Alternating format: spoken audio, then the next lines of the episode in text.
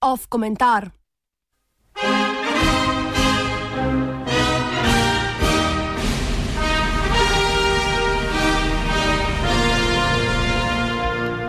Kdo pa so ti mladi fantje?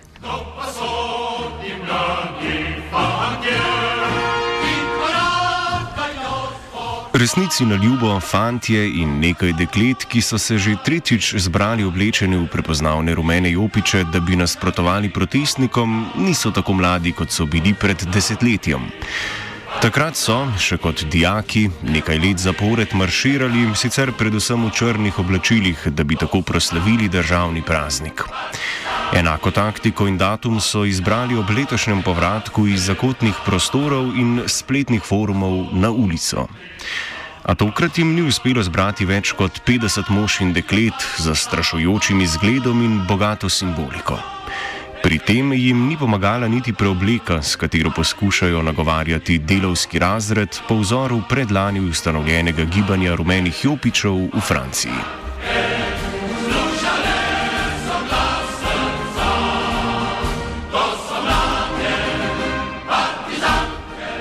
Ker jih je vsakeč manj, na zadnje smo jih prešteli točno 32, bi skoraj da lahko analizirali vsakega posameznika. A vseeno si prihranimo ponavljanje istih zgodb in poskušajmo postaviti idealno tipske primere udeležencev proti protestov, ki bi se radi prikazali kot glas delovnega ljudstva proti rdeči buržoaziji na protivladnih protestih. Najprepoznavnejši tip rumeno-opičnjakov, ki predstavlja jedro gibanja, če ne številčno, pa zagotovo organizacijsko, lahko imenujemo naceti.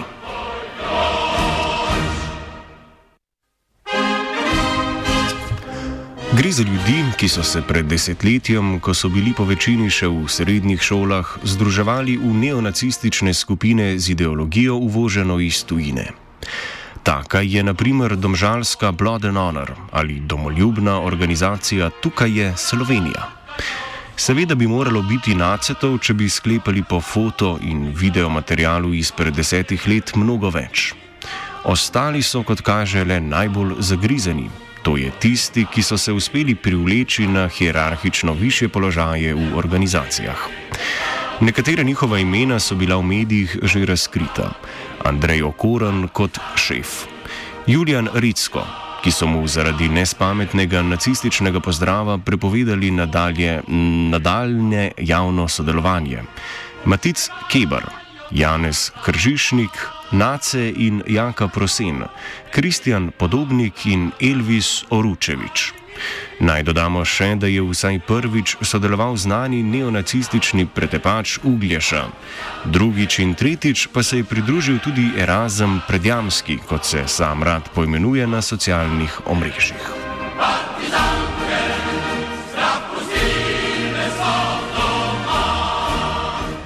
Naceti, ki so bili odgovorni za primarno novačenje, so spremenili metodologijo. Ne novačijo več zgolj mladincev, ki pod seboj nimajo razpletene socialne mreže varovanja. Veliko pomembnejša je pripravljenost na nasilno delovanje, kar se seveda medsebojno ne izključuje. Drugi, mlajši tip rumeno-opičnjakov so torej huliganški. Prepoznamo jih lahko po tetovažah simbolov hrvaških in srpskih nogometnih klubov. Pri organizaciji skupnih aktivnosti z naceti so v ozadju. Predvsem pa huligančke le površno zanima ideološka obarvanost teh aktivnosti. Več dajo na izkazovanje skupinske premoči.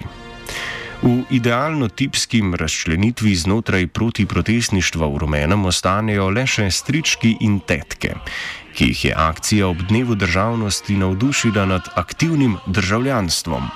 Pojavili so se šele ob drugem združenju pod protikomunističnim in proti-protifašističnim obeležjem, ob tretjem združenju pa smo jih lahko prešteli na prste ene roke.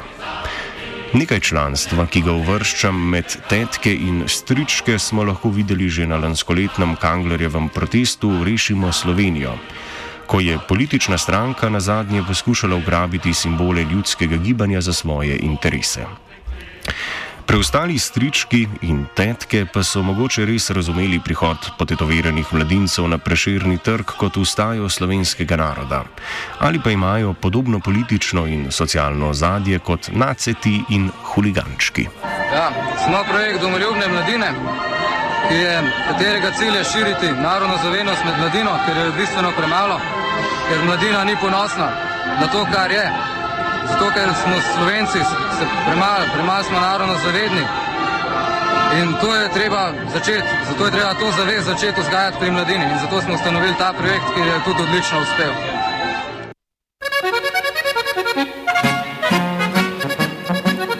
Veliko več od tega pri tako imenovanih rumenih jopičih ni. Kot kaže, je zaton subkultur ob začetku tisočletja zadev tudi neonacistične skupine, ki so kot najradikalnejša oblika subkultur bolehno kašljale že v začetek preteklega desetletja. Če je takrat lahko Andrej Okuren z ekipo nabral več kot 100 mladincev in mladink, da bi praznovali dan državnosti, se jih sedaj, ko se vladna stranka obnaša kot paranoičen schizofrenik, kar bi praviloma moralo bolje mobilizirati radikalno mladino, zbere komaj dovolj, da napolnijo minibus.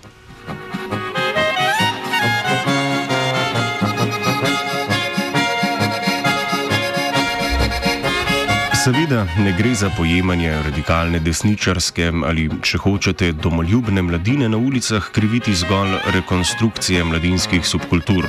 Saj enako pant aktivistov lahko opazimo tudi na nasprotni strani politične palite. Podpornike, ki so včasih polnili vrste domoljubnih shodov ob dnevu državnosti, je pojedla politična korektnost, ki se je neonaciji načeloma branijo kot pijanec vode.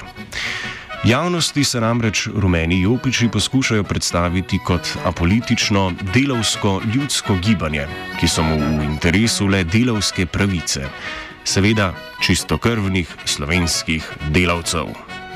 Pred desetletjem se niso branili odkrito kazati svojih ksenofobnih stališč in ideologije, ki temelji na enakih teorijah kot nacizem in fašizem med drugo svetovno vojno. Če parafraziram novinarja Borisa Dežuloviča, so postali pičke. Zakaj vas je sram nacističnega pozdrava, če verjamete, da bi neoliberalni nacionalsocializem rešil vse težave slovenske države? S takim odnosom gibanje izgubi članstvo, ki za prebroditev svojih kompleksov potrebuje trdno in ostro ideološko usmeritev, ki odkriva krivca za vse težave. Juda, komunista, Roma, srbočetnika, Hrvata.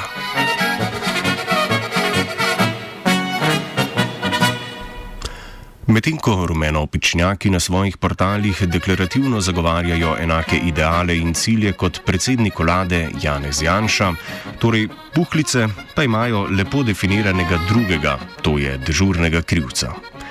Protivladnega protestnika. A tudi tukaj se jim zalomi, saj so protesti preveč heterogeni in nimajo izdelane jasne strategije delovanja po uspehu.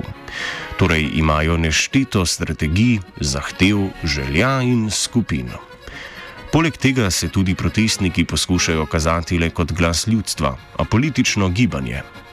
Ena izmed samooklicanih organizatork Tjaša Prošek je na protestih pretekli petek za govornico povabila celo predstavnike rumeno-opičnjakov.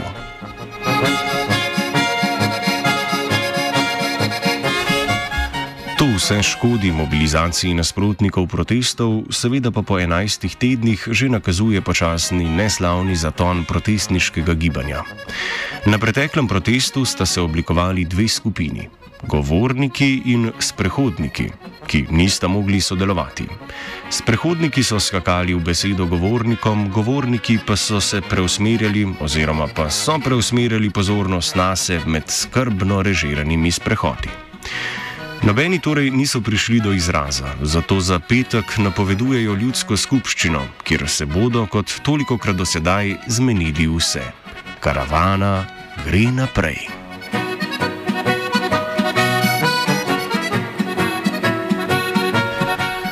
Oprostite mi digresijo v primerjavo obeh protestniških gibanj, vrnimo se na rumene. Če smo govorili o zmanjšanem mobilizacijskem momentu neonacistične subkulture na ulicah, pa je ravno obratna slika v virtualnem prostoru. Medtem ko imajo do potankosti razdeljeno strategijo odnosov z mediji, ve se, kdo govori pred kamero, kaj se pove, veliko krat imajo že pripravljene pisne izjave za medije, so najmočnejša točka radikalne desnice socialna omrežja. Tam je zagotovljena visoka raven svobode govora, ki mestoma prehaja v sovražni govor. V zadnjih nekaj letih, verjetno hkrati z umikom neonacistov iz ulic, se je vzpostavil nebroj skupin, strani in profilov, ki izražajo kristalno jasna neonacistična in neofašistična stališča. Z dobro organizacijo je tako veliko lažje prepričati javnost o številčnosti takih obskurnih gibanj, s tem pa tudi rekrutirati nedoločene in neodločene in pozabljene dele družbe. A poglavitna moč neonacizma na socialnih omrežjih ni rekrutiranje, saj se to, oziroma saj se to tako je, ne prevede v ulico. Veliko pomembnejši so osebni napadi na posameznike, ki so, se izkažejo ali pa jih zgolj tako vidijo ideološki ali resnični voditelji tako imenovanih levičarjev. Razni desnoljubi radi izkupljajo vse osebne podatke o neušečnem nasprotniku in jih na to interpretirajo tako, da to lahko ogrozi njegove življenjske pogoje: izguba zaposlitve, strah. Prav takšen napad na verodostojnost osebe se trenutno dogaja recimo umetnostnemu zgodovinarju Donovanu Pavlincu, ki se je sporekel z neumornim harmonikarjem na Preširnovem trgu. Žabari veste, za koga gre. Ta teden rumenosrajčniki celo ne bodo organizirano proti protestirali. Nemara niso zadovoljni s svojimi številkami, ki mečejo bogoluč na moč in ponos klenih slovencev. Namesto tega so k udeležbi na protiprotestih raje povabili vse slovenske harmonikaše. Neonacisti pa bodo med tem izvajali tako imenovani rumeni monitoring. Torej bodo iskali nove žrtve za spletne pogrome, mizerna prisotnost na ulicah, kot kaže, ni bila dovolj učinkovita.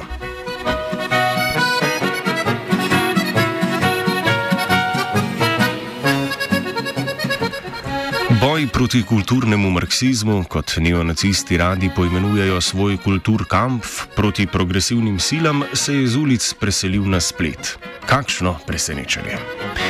Od tu gre jasno in glasno, vsaj v slovenskih okvirih, navdihuje predsednik vlade Janez, najmočnejši borec proti komunizmu Janša, prosti prevod Viktorja Orbana, mačarskega premijeja.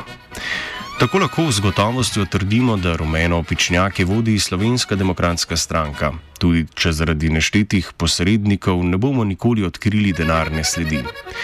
Očitno je sled v enakem diskurzu, enakih idealih in enakih prizadevanjih.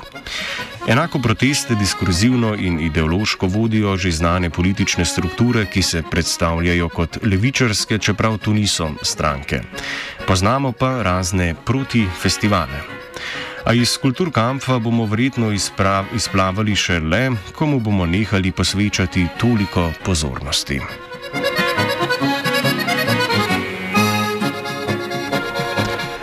Kulturni boj je podžigal virant.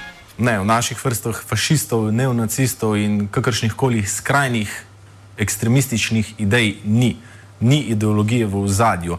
Zato je tudi ta posameznik, ki je to roko stegnil, dobil udarec po roki, ker je pri nas to nezaželjeno. Ne, te, te osebe ne poznamo, ne vemo, kdo je.